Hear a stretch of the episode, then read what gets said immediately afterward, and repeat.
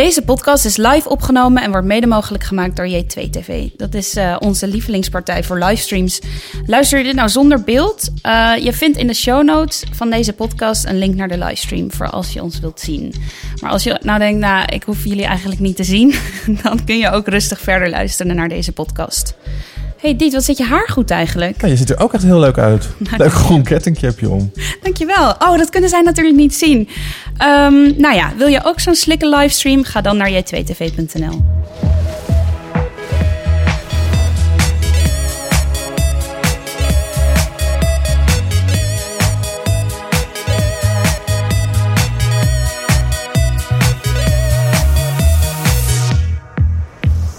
Ja, welkom bij de Best Social Podcast. Deze keer is heel bijzonder, want we zijn live op Facebook, op Instagram. En hier staat namelijk zelfs een cameraman van J2TV. Hoera. Nou, dit betekent dus dat we deze podcast opnemen terwijl er een camera op ons gericht is. En uh, onze volgers kunnen dus allemaal meekijken. Dus we kunnen heel lief zwaaien naar, uh, naar de... Hallo. Het is een beetje ongemakkelijk voor de mensen die deze podcast later luisteren. Sorry daarvoor, maar je kan de livestreams nog terugkijken. Nou ja, waarom al deze heisa? Um, dat uh, draait een beetje om mezelf. Ik startte namelijk in 2010 als freelancer op een zolderkamertje. En inmiddels is dit bedrijf uitgegroeid tot uh, 14 um, man. Met zeven verschillende merken en projecten. Waaronder de beste social media in Nederland. Maar inmiddels ook in Duitsland en Engeland. De beste social jobs, de beste social awards. Studio Broekhuizen en nog deze podcast. Nou denk je, huh? ja, dat dachten wij ook. Dus daarom hebben we vanaf nu een nieuwe naam. Vanaf vandaag. En valt alles onder een nieuw moederbedrijf. De Best Social. We gaan dus verder als de Best Social Podcast, de Best Social Media, de Best Social Studio, Jobs en Awards en alles andere wat je de komende jaren nog kan bedenken met de Best Social. En wij zijn klaar voor de toekomst en daar gaat heel toevallig ook deze podcast over. En we duiken deze aflevering helemaal de future in en dat doen we samen met maar liefst vier interessante mensen aan deze tafel. En uh, die kunnen zichzelf denk ik heel goed voorstellen, daar hebben we ze op geselecteerd. Um, ik doe een voorschot. Emiel ja. zit als eerste naast me. Jij doet innovatie bij Social Inc. Daarom perfect voor onze toekomstpodcast. Heb je daar nog iets aan toe te voegen? Uh, nee, nee. Wat heb je vandaag die, voorstelronde doe je prima zelf. Oké, okay, sorry. nou, als jij er niks meer aan toe te voegen hebt, dan uh, gaan we gewoon door, uh. Emiel. Wat is je achternaam? van den Berg. Emiel van den Berg. En ja. je Instagram-handle? Goh, Emiel VD Berg, denk ik, of Van den Berg. Oh, pas op, nu krijg je echt heel veel volgers. Uh. Ja. uh, Anne, sluit hem even af. Jij zit daarnaast. Ja. Jij, jij zit bij Beyond van Endemol. Ja, uh, ik werk bij Endemol Shine, de televisieproducent. En ik ben daar mede verantwoordelijk voor de digitale ontwikkelingen. Dus alles what's nieuw. hey, toekomst. Ja. Kijk, volgens mij zit jij hier ook terecht. Dan gaan we er nou naar Tim. Tim, jij bent uh, de hoogste binnenkomer in de Adformatie Top 100. Oh, wow. Welke plek ja. was dat? Uh, nummer 12. Dus volgens mij ben jij echt klaar voor de toekomst. Want je ronde pas twee jaar geleden je VWO af. Nee, oh. dit jaar, vorig jaar. Oh, oh vorig jaar. nou, nog bizarder. Uh, heb jij daar nog iets aan toe te voegen? Uh, je bedrijf? Ja, ik ben medeoprichter van Go Spooky. We doen uh, inderdaad nieuwe, nieuwe platformen, social voornamelijk. En voornamelijk begonnen met Snapchat? Begonnen op Snapchat en ondertussen is dat uh, eigenlijk veel breder. Instagram, heel veel Instagram. Um, daarnaast ook een software tak waar we bijvoorbeeld voice doen, uh, dashboards. Dus Oké, okay, dat klinkt ook als toekomst. Uh, en dan als laatste, maar niet als minste, Jaapie. Yo. Jaapie, jij werkt bij A Friend of Mine, onderdeel van Dept. Ja.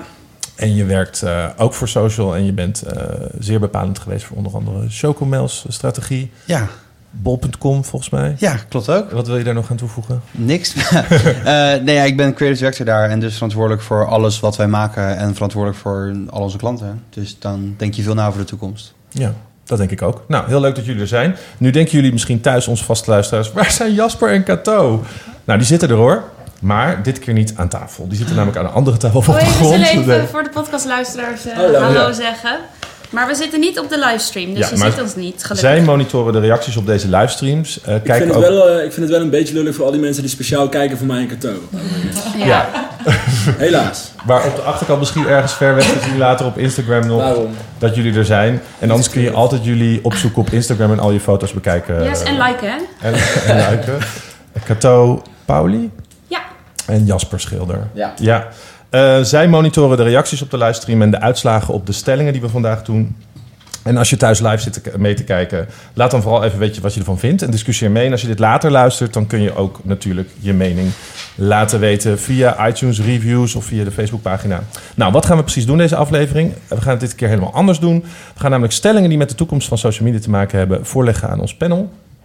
Ehm, maar niet alleen deze mensen in de ruimte. De mensen thuis hebben ook hun mening gegeven via Instagram. Eh, we gaan elke keer eerst een stelling met jullie bespreken. En dan laten we jullie de uitslag weten die op Instagram eh, te zien was. Volgens mij zijn er meer dan 2 à 3000 keer per stelling gestemd. Misschien wel meer, maar dat horen we straks van Jasper en Cato.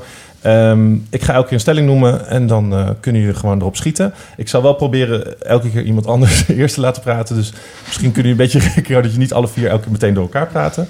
Ehm, even kijken. Er komt een belletje na de stelling. Dat hoorden jullie misschien net ver weg al. Ehm, als we er klaar mee zijn. Of als Jasper en Cato er klaar mee zijn. En we doorgaan naar de stelling. Dan krijgen we de uitslag en eventueel wat reacties van het publiek. Snapt iedereen het nog? Wat kunnen we winnen? Je kan winnen een jaar lang liefde Gratis van Instagram. mij. En slechte woordgrappen van Jasper. Love it. Oké, ja. Ja, let's go. Ehm, daar gaan we. De eerste stelling. Ehm, ik stel voor dat Tim daar als eerste op gaat reageren. Want het is Snapchat is het nieuwe Vine. Ja, top. Ehm, ja, wat, wat ik... ehm, ja, wat je voornamelijk heel erg ziet is natuurlijk Snapchat staat onder druk. Als ik Vine en Snapchat tegen elkaar weg zou zetten... zou ik Vine eerder beschrijven als een functionaliteit. Ja. Wat binnen een Snapchat zou kunnen vallen... of binnen een Instagram of binnen een Facebook. En als je dan kijkt naar Snapchat... is dat het wel echt een, een platform aan zich is. En waar ik enorm in geloof... is dat wat je tegenwoordig ziet... is dat er eigenlijk een fragmentatie is van doelgroepen over verschillende platformen. Het is niet meer zoals vroeger als marketeer had je een eh, campagne, die zette je live en dan was je wel klaar. En nu, wat er nu gebeurt is dat het eigenlijk daar pas begint. En waar je dus als merk op moet letten is van oké, waar welke, op welke platformen ligt de aandacht van welke doelgroep? Want dat verschilt enorm. En dat heb je tussen Snapchat en Instagram, Facebook, de doelgroep 13 tot 17, die heeft geen Facebook-account of die hebben het wel, maar gebruikt alleen voor opa Mhm. en oma. Maar zou jij schrikken als Snapchat dit jaar omvalt? Nee, dat eh, Oh. gebeurt eh, niet. Dat Ze gebeurt hebben, niet? Nee, nee, nee. Wat, wat, wat je ziet is dat ehm, ze hebben een, een userbase die groeit nog steeds. En waar, je vooral, waar wij vooral naar kijken op kantoor is van oké, welke waar zit nou de aandacht van een bepaalde doelgroep? En als je kijkt naar een doelgroep van 13 tot 25, dan is Snapchat nog steeds het nummer één eh, Ja. platform daar. Zit Instagram wat meer van 18 tot 30. Zit je echt op de sweet spot. En eh, ja, Facebook eigenlijk voor, eh, voor 30 en ouder. Hebben jullie daar iets aan toe te voegen? Denken jullie dat Snapchat een lang leven voor zich heeft? Ik had zo bedacht dat ik niet als eerste ging praten. Ehm, ja, grappig Nou, als genoeg... tweede, het valt mee. ja, omdat je ook niet gevraagd werd.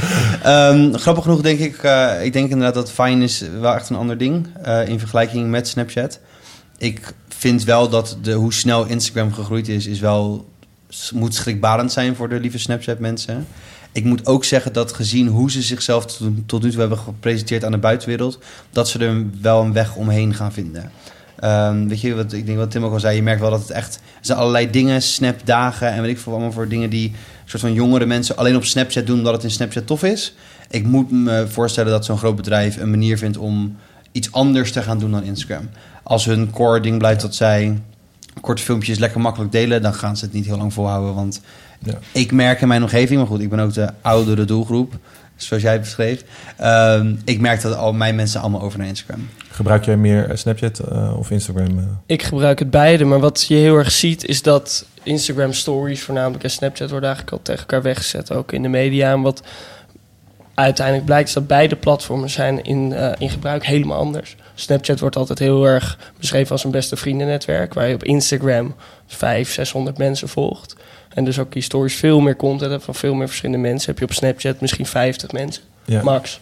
En daardoor zijn, in plaats van dat het eindproduct misschien op elkaar lijkt, gaat het juist ook om wat zijn nou de gebruikersnormen binnen zo'n platform en hoe gebruiken mensen het platform. En waar ik vooral naar kijk is van, oké, je hebt natuurlijk gebruikersgroei. Instagram kwam laatst ook een grafiek tegen van de Instagram stories, ja, van eh 0 naar eh, 250 miljoen gebruikers. Ja. En dan wordt het dus gepresenteerd als een service aan zich. Terwijl het eigenlijk een functionaliteit is binnen een app met al eh, 700 miljoen Precies, dat is maandelijkse eh, eh, actieve gebruikers.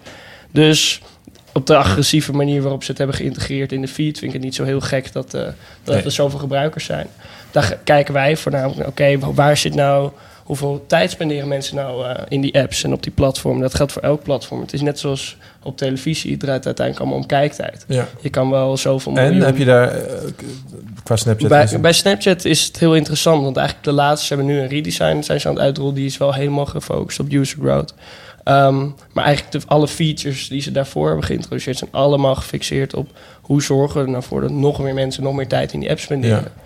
En ja, op Wall Street voornamelijk met investeerders. Eerst hadden ze een paar investeerders waar ze mee moesten dealen. En dan heb je zometeen duizenden. En dat verhaal hebben ze nog niet helemaal goed naar buiten weten te brengen. Maar dat is een, bijvoorbeeld voor- als je het weer trekt naar Facebook. Facebook die heeft vijf jaar gedaan om hun, eh, om een advertising op, op, de Op krijgen, ja. dit punt te krijgen waar ze Ja. nu zijn. En Wat Snapchat nu doet, die heeft dat nu in een jaar klaarge, klaargekregen. Dat vind ik wel heel knap.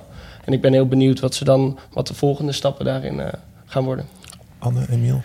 Nou ja, goed, weet je, het, het is inderdaad wel vergelijkbaar. Maar het, het, volume waar, waar Snapchat op zit eh, qua advertising is natuurlijk nog relatief klein. En eh, in dat opzicht zou ik eh, Snapchat, ook eerder vergelijken met bijvoorbeeld Twitter. En niet, niet het medium, zeg maar, hoe het gebruikt wordt, maar waar het zeg maar, zakelijk in welke fase het zit.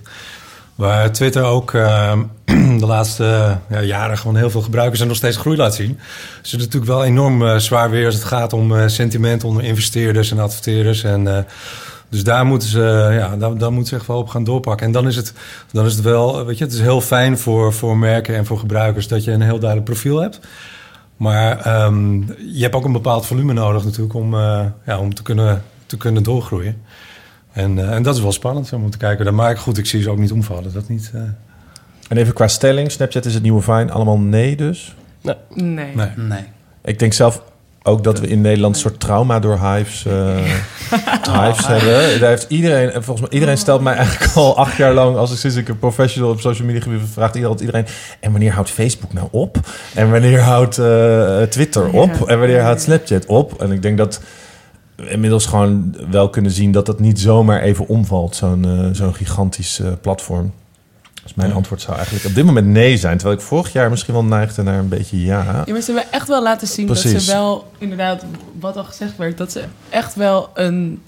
Ze zijn best wel creatief in wat ze gaan bieden. Ik denk Ja. dat ze ons nog best wel eens kunnen gaan verrassen. Ja, want met daar wat heb ik ook dingen worden. van gezien.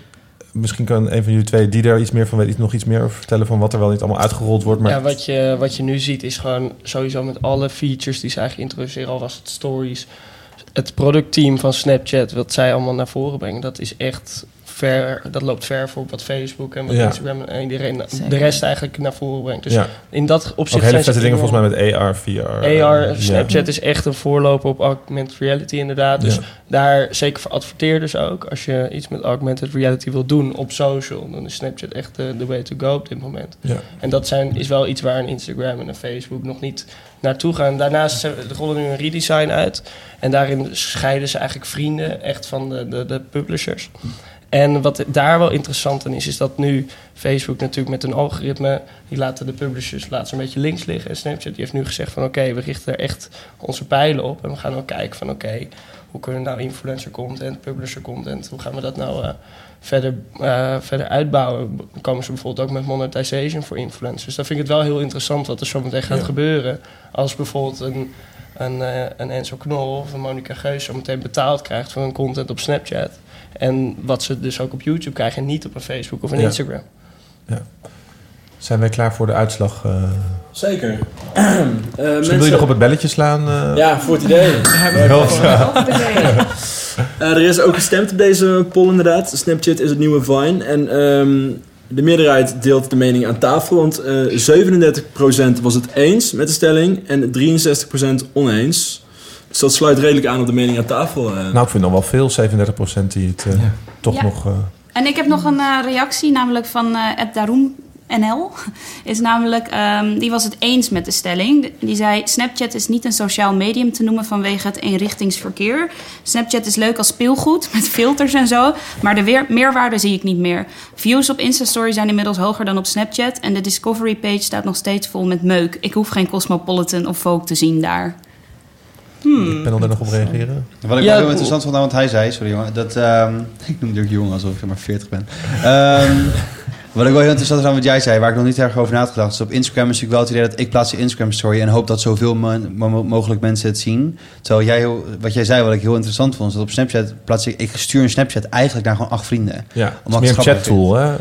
Dus in die zin is ook de vraag of je ze dan inderdaad wel moet vergelijken.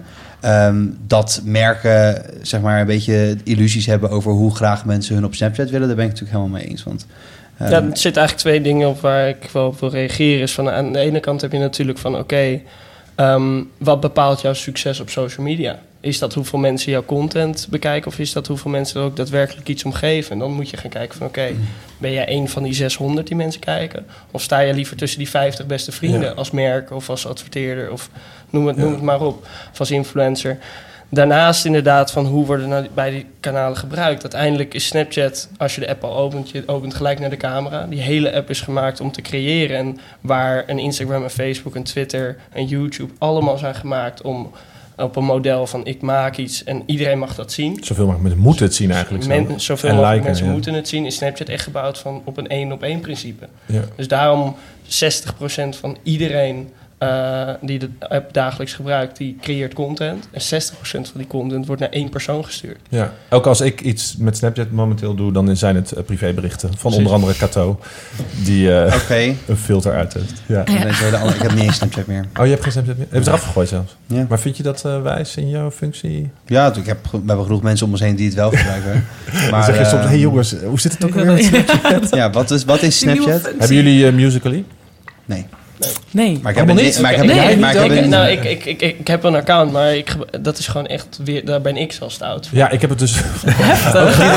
Diederik is daar dus niet Het te oud een voor. gekke app.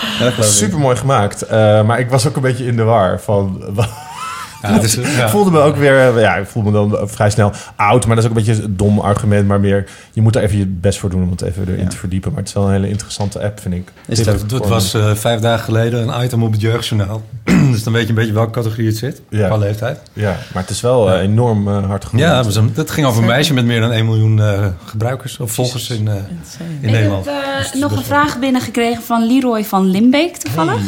Eh, hij vraagt, maar als andere grotere partijen zoals Instagram bijvoorbeeld dat overnemen, die functies als AR en stories, waarin kan Snapchat zich dan blijven onderscheiden? Het onderlinge contact tussen snappers. En dat was ook een andere vraag die ik binnenkreeg van Lisa. Die vroeg namelijk ook, gaat Snapchat zich nu meer richten op het ontwikkelen van producten zoals spectacles? Dat sluit er een beetje mee aan. Oké, wie wil daar? Wat je, ja, wat je, wat je inderdaad ziet is van, oké, over, die, over die producten inderdaad. Ze hebben aan het begin al aangegeven van, oké, we gaan hardwareproducten maken. Dat hebben ze nooit gezien als verdienmodel. Is gewoon puur als, als speelgoed. Ehm, daarnaast vind ik het wel interessant wat er nu bij Facebook en Instagram gebeurt. Facebook bestaat nog omdat ze heel erg hebben geïnvesteerd in video. Vooral longform video. Ehm, Instagram is in essentie ook nog steeds een fotoplatform. Foto's presteren nog altijd beter dan video in de, Maar niet In beter de- dan stories, is mijn in de feed. En dan komen ze inderdaad op stories. Sto- ik geloof dat ze nu, wat er nu gaat gebeuren, stories die worden belangrijker dan de feed op den duur. En dat, dat wordt zeker dit jaar. Je ziet nu al dat stories in de feed worden getoond. En mensen die kijken gewoon, als, je, als ik naar mijn eigen gebruik kijk, mensen kijken gewoon eerst hun stories. Ja. Die eerste vijf stories die er staan, dat is gewoon de place to be Ik binnen kijk, Instagram. altijd, ik kijk altijd alle stories en dan like ik de eerste foto en ik scroll vaak Maar, maar het vaak punt op- van Leroy over Inderdaad. de functionaliteiten kopiëren... Ik, eh, ik denk dat het hele dat het echt in het gebruik van de app zit. Dus eh, Snapchat is echt iets gemaakt om is gemaakt om te maken, om content te creëren. En dat is iets waar Instagram en Facebook nog lang, eh, nog lang niet zijn. Ik weet niet wat ze erin hebben zitten. We- Waar ik heel erg benieuwd naar ben, is vooral die premium content strategie. Dus dat is waar Facebook natuurlijk met een WatchTab. Instagram die komt dit jaar waarschijnlijk ook met een series, Mm. eh, met eigen series. Snapchat doet dat in Discover, wat ze gaan uitbreiden. Ik ben heel benieuwd wat daarin eh, de lijn de draad geworden. Ik denk dat Snapchat daar wel een leidende rol in heeft. Omdat bijna alles wat op dat platform gebeurt is video. Ik, ehm, eh. ik ga Cato en Jasper even chockeren door een andere stelling nu als tweede stelling te nemen. Want Oh, maar- dat sluit hier... een Oh. korte vraag. Ja? Van Anne, eh, of tenminste ik dus niet, maar Anne Koning heeft een korte vraag. Die zegt, haha, wanneer ben je te oud voor Snapchat? Nooit. Maar wat, ja, wat, wat, nee, wat wij hebben, het is, wat grappig is, is Snap, toen Instagram Stories kwam, toen zat Snapchat precies op hetzelfde punt waar Facebook zat in 2010, 2011. Eigenlijk, de kids die zaten er al. Tot 25. En dat was echt het punt. Het Witte Huis op Snapchat. Toen begon het echt Ja. mainstream te worden. Ja, en toen kwam Instagram Stories. En toen hoefden mensen zoals Jaap... die hoefden in één keer geen, eh, geen nieuwe app meer te Nee. downloaden. Wat, wat heel logisch is. Dus ehm, in principe, als je vrienden er zitten... kan iedereen het gebruiken. Ze zijn nu de app ook eh, aan het vergemak... tenminste makkelijk aan het maken voor Ja. een doelgroep die wat ouder is. Want eigenlijk iedereen is, tenminste een ouderdom is gewend om, om vooral te scrollen van, eh, van boven naar beneden. En bij Snapchat was het eigenlijk altijd van, eh, van links Ja. naar rechts. Dus dat eh, zijn ze nu aan het aanpassen. Ik denk wel dat hun uitdaging is om zo breed te worden. Dan dat ook meer, dat je als ouderen ook daar makkelijker. Want Ja. ik denk dat ze dat nu. Of niet. De vraag is, kijk, als zij heel veel geld willen verdienen met advertising, dan moet dat. Maar als zij gewoon, weet ik veel, 300 miljoen gebruikers hebben Ja. en iedereen vindt het leuk en eh, mensen zoals ik zijn te oud en te Ja. leeg om daar op te kunnen, then what's the problem? Ja, en Ik je ziet het gewoon doorgaan, want nu is er Musical.ly, Ja, dus ik- ik- daar zijn ze nog ja. jonger. Want er is ook nog wel een verschil tussen wat gebruikers willen en wat wij als marketeers willen met zo, Ja. voor zo'n platform. Wij willen allemaal dat Snapchat heel veel eh, gebruikers heeft en, En heel dat- veel engagement. Ja. En, maar ja, mijn eh, neefje van 13 wil gewoon domme snap sturen naar zijn matties. hey, en, dom. Hey. Dat wil, nee, zo is hij. Je, het, het is wel, ik, ik- da- daar, daar verdienen ze geen geld aan. Weet je? En uiteindelijk hebben ze wel geld nodig om, eh, om een rol van betekenis te kunnen blijven spelen. Want nu ze, ze zijn nu toch relatief niche. En weet je, eh, wat eh, Instagram heeft ze gekopieerd en een groot deel van de bovenkant van de doelgroep afgepakt. En wie zegt niet dat er, een, dat, dat er nu een, een, een partij komt, zeg maar, stel Musical.ly zou naar boven bewegen, ik noem maar wat. Dan hebben ze het best zwaar. ja, je, dus alleen- ze, zitten ja. wel, ze zijn wel heel kwetsbaar. En, Zeker, eh, alleen de vraag is, ik denk wat ook Anna net zei. Ik denk wel eens dat ze ons nog eens kunnen verrassen met een andere manier om geld te verdienen dan we gaan, eh weet ik veel, vaatwastabletten zorgen dat die op Snapchat kunnen. ja. Weet je, als je, doet, als je kijkt naar het domste voorbeeld wat ik nu kan bedenken is, hè, televisie, het idee van televisie is gebouwd op advertising. Netflix heeft geen reclames, Ja. want jij betaalt voor Netflix. Ik heb nooit reclame gezien op Netflix. En als ik met mijn Chocomon campagnes iets doen op Netflix, dan is er helemaal geen mogelijkheid tot misschien is Snapchat wel meer als Netflix dan als Instagram. Wat je nu vooral een hele trend wat je ziet is je hebt natuurlijk Europa loopt als het ware als continent gewoon achter. Europa volgt Amerika en Amerika volgt China. Wat je in China ziet met WeChat, dat is één app en binnen WeChat kun je alles. Wat. En daar dat, is, dat is sowieso een trend die je over Snapchat ziet. Snapchat is ermee bezig, Facebook is ermee bezig. Ik sluit niet uit dat zometeen dat je op Facebook zometeen voor 5 eh, euro per maand onbeperkt muziek kan luisteren. zoals YouTube. Als eh. zij, als zij 10 als zij 10% van de users daar krijgen, dan hebben ze gewoon een heel ander verdienmodel. Ik had eerlijk gezegd niet zien aankomen van YouTube Red. En eh, nu dat zo dichtbij is, denk ik dat Facebook. Ik dacht altijd als je zo'n waarschuwingsbericht vier jaar geleden kreeg met Facebook wordt straks betaald en eh, hmm. het is me allemaal wat. Ik denk dat die dat, dat best wel als realiteit eh, kan gaan worden en dat we er ook voor gaan betalen. Nou, je betaalt het, de hele kern van al die doelgroepen is, van al, al die platformen is, je betaalt sowieso al met je aandacht. Ja. En wat de hele, daarom snapte ik die commotie rondom het, het nieuwe algoritme van Facebook ook niet. Van oké, Facebook die is er niet voor jou als adverteerder. Facebook is voor de gebruiker. Als de gebruiker minder tijd spendeert, verdienen zij minder Ja. geld. Dat is hetzelfde wat Snap, de filosofie achter Snapchat eigenlijk altijd is geweest bij hun. Het is dat ze nu van Wall Street moeten groeien qua gebruikers. Anders zeggen ze van ja, wij zorgen er gewoon alleen maar voor dat de doelgroep die we hebben steeds loyaler wordt, steeds meer tijd gaat Ja. spenderen met een Snapmaps, met eh context cards die ze hebben geïntroduceerd. Je kan nu, als, als ik in een restaurant zit en ik gebruik een bepaald filter en ik stuur dat naar een vriend, kan die vriend gelijk omhoog swipen, een Uber boeken en een tafel bestellen, terwijl die de app niet De heeft toekomst. verlaten. Dus ik dat- hoor het. dus- nee, Kato, ik ga nog even niet naar je toe, want we moeten echt naar de volgende stelling. Anders komen we niet, eh, niet meer door. We hebben Sorry. zes uur gepraat over Ja, stellingen. precies. Want de volgende stelling die ik eh, wou behandelen is... stories zijn belangrijker dan de feed. En hij kwam net al heel even aan bod... maar ik ben toch nog wel benieuwd naar jullie mening... en de mening van de mensen thuis. Ehm, dus ehm, Anne, wat zou jij daarop zeggen? Stories zijn belangrijker dan de feed. Ja, nou ja, alleen al, ik denk als we wat er net genoemd werd, is alleen als je naar mijn, als ik naar mijn eigen gebruik Ja. kijk, is het, ik klik die eerste vijf. Als ik echt een luie dag heb, misschien de eerste acht.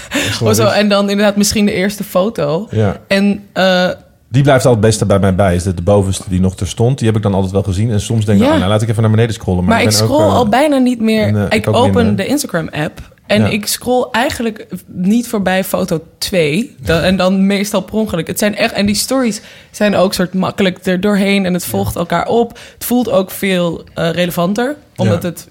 Nou, dat is wel iets wat gecreëerd is. Ook door dat jatten van Snapchat is het nu. Ja. Een soort van, of in ieder geval het net. Ja, en echter, want eh, ik, ik word zelf heel erg moe van het geposeerde van de feed. Eh, daar, daar durf je, ik durf bijna geen foto meer te plaatsen, omdat je altijd denkt, ja, maar staan. God, het is toch niet echt mooi gepo- Ja, maar het is ook niet, het is niet echt een lekkere foto, goed, geen goed licht. Ja. Eh, het is niet op vakantie, het is geen strand. Het is gewoon een soort van... Nou, ik had het met iemand over eh, vorige, vorige week. Die zei ook van... Ja, ik ga gewoon niet mijn, mijn klapblok bij op mijn werk fotograferen. Zo van, nou, dit is mijn klapblok, jongens, ik ben Ja. aan het werk. En dat zet je wel op je story. Zo van, Ja. ik ben, wat je pleurt er nog een, eh, een stickertje op en een locatie. Ik ben aan het werk, mijn eerste werkdag of weet ik van. Ja. Dat, dat klapblok zal je nooit in je feed zetten. En prima in je story, want je denkt, ja, morgen weg. eh, I don't care. En, eh, en dat maakt de story, stories ook veel lekkerder om te kijken. Omdat het veel vind ik echt een representatie van, van, van je leven is en van de mensen om je heen. Omdat mensen ook veel, veel makkelijker dingen plaatsen. Ik vind die feed gewoon, dat is gewoon een beetje naar bijna. Ja, ook het- de foto's die daar veel likes krijgen. Ja. Nou, maar Jongens, jongens, jongens. Ja, dat is, ik weet het gewoon van mezelf. Het is gewoon mijn Ja. bek. Het is gewoon mijn hoofd. Want Ja. als ik ook maar iets doe wat een vergezicht is, of een- dan is het gewoon minder. Mensen liken eigenlijk alleen maar herkenbaarheid en gezichten. Maar je bent toch niet zo iemand die zeg maar dan zo'n foto plaatst van zichzelf... zo voor een Indonesische Bali-achtig ding... en dan zo'n verschrikkelijke quote erbij plaatst als... Blessed. Ja, toch? Ja. Loyalty is Nou, maar het- het eh. Kijk maar naar die eh, best of nine resultaten. Zeg maar, die, al die mensen die, die hun negen meest gelikte foto's dan deelden weer. Wat ook een beetje ongemakkelijk is. een soort van... Dat best wel, ja, ik heb het zelf ook wel opgezocht, maar ik heb het even gewoon voor mezelf gescreenshot en bewaard voor mezelf, omdat ik het leuk aandenken vond. Maar het is bijna alleen maar gezichten. Het Maar is omdat het, het is bijna zo maar- statisch. En dat ja. voelt al bijna niet meer... Het voelt bijna ouderwets social. Het soort je Instagram profiel Ja. voelt bijna als ouderwetse social. Omdat het soort statische foto's Ja. zijn... die je niet meer kan veranderen. Die niet per se... eh, en de is- grens ligt heel hoog, omdat het zo op dat likes. eh, ja, je verzamelt... Het is meer een, ga- ja, je verzamelt galerij, een ja, galerij. ja. Een soort, een soort Ja. expositie. van jezelf. Ja, wat, dus veel minder is, social ja. is dan Ja. die stories die je gewoon shared en mensen reageren erop en zeggen: Oh, ben je nu koffie aan het drinken? Ja, dat is ik kom social, ook, snap je? ja. Ja. Ja. En ik vind dat mensen, ja, misschien ligt het aan de mensen die ik dan volg op Instagram, maar ik vind ook dat mensen heel creatief zijn. En niet op een hele overdreven manier, maar gewoon ook een soort van grappig Ja. en kalm en relaxed. En hè, ze Ja. maken een soort van, ze delen heel erg hun leven. Nou, ik vind het vooral leuk dat mensen nu verhaaltjes gaan vertellen. Ja. En niet meer in het begin waren story zegt, oh, ik sta op de Ja. pont. Oh, klapblok. Oh, dat ik echt dacht, wat ben ik naar aan het kijken. Maar nu is het wel meer mensen die proberen... Oh, ik was hier en toen gebeurde Ja. er dit. Het is gewoon leuk. Klein kort Ja. verhaaltje. Een beetje zoals vloggen, maar dan in een soort van storyvorm. En het is voor iedereen toegankelijk. Dat vind ik heel tof. Zeg maar, dus ook mensen die niet per se social minded zijn, misschien niet heel erg eh, hip of eh, savvy, die vinden het wel leuk om gewoon stories te plaatsen. En in die zin is het heel erg eh, zoals Facebook voelde toen het net uitkwam. Zeg maar. Gewoon mensen die gewoon randomly shit deelden over hun dag. Ja, precies. Die Dat, eh, snelheid. Denk je niet dat de feed echt- gaat mixen met stories? Want het is toch een beetje raar nu. Ja. Maar het is nu ook een beetje een rare layout, toch? Dat is Ja, zo ik denk- ja, ik denk dat die bovenste aan balk het, is nu eh, zo belangrijk en de rest van de onderkant is gewoon onbelangrijk. Maar goed, er zijn ook heel veel fotografen en zeg maar palmboom-mensen die het wel heel fijn vinden om... Katten. Katten. Snap je, hè?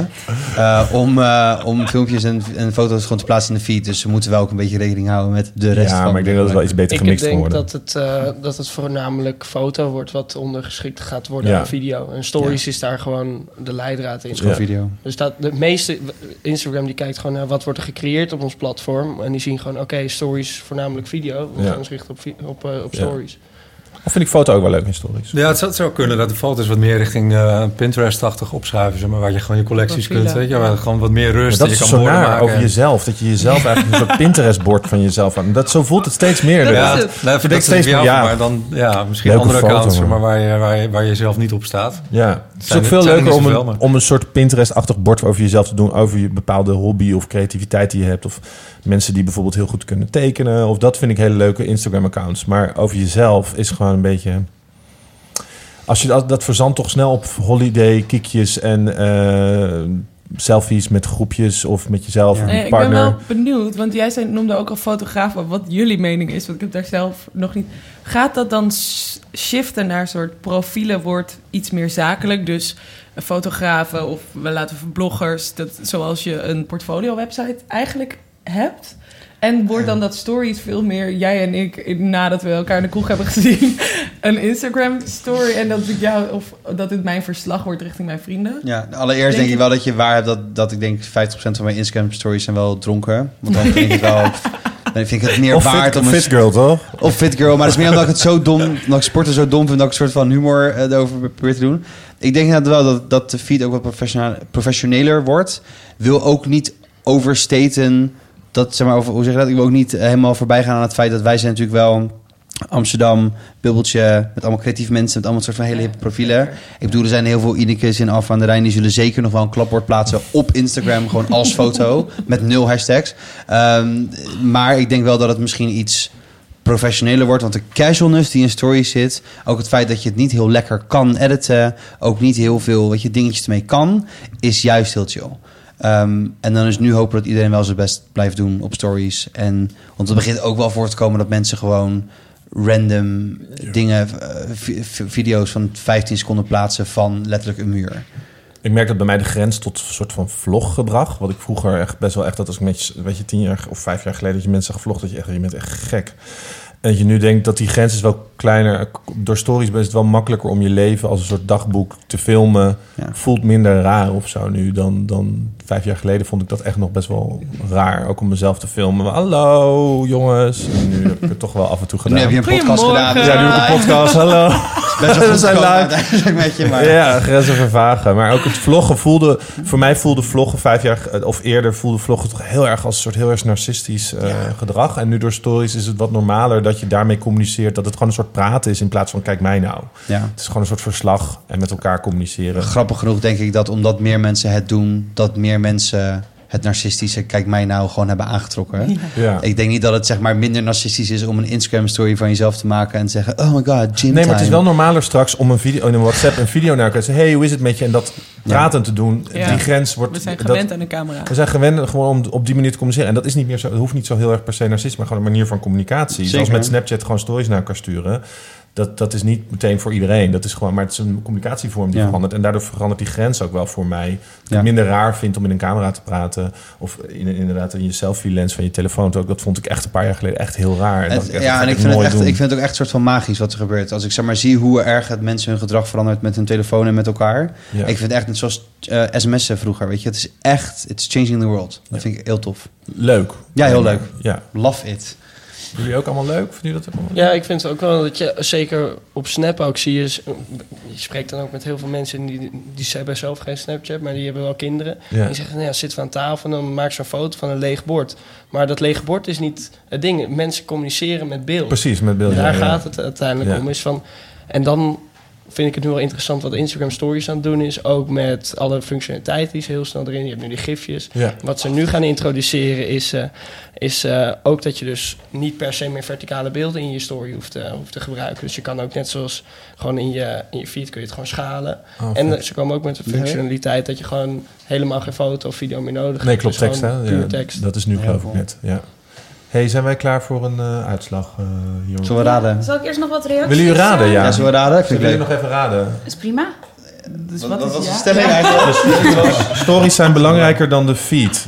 Ja, hoeveel procent, Jaapie? Oef, ik denk, ehm, oeh, ik denk eh 63% ja. Hoger. Ik denk dat Waarom veel, veel mensen aan de, aan de feed zitten nog steeds. Oh, Maar ik, ik vind de feed is nu nog wel belangrijk, maar het gaat heel, het gaat heel snel voor het nou, stoppen. eerst een reactie van Cato. Eh, van de mensen bedoel je? Ja, van de Eh, mensen? nou, of Dennis. jij zelf? Ja. Of, eh, Ik zelf, ik heb nee, geen mening. Jouw mening doet er Ik deze podcast voor. niet toe. Nee, eh, Dennis Gerritsen zegt, eh, je story is veel informeler. Eh Name Motion zegt, ehm, bij stories zijn mensen langer geneigd om ergens naar te kijken. En door scrollen op een feed trek je vaak niet genoeg aandacht.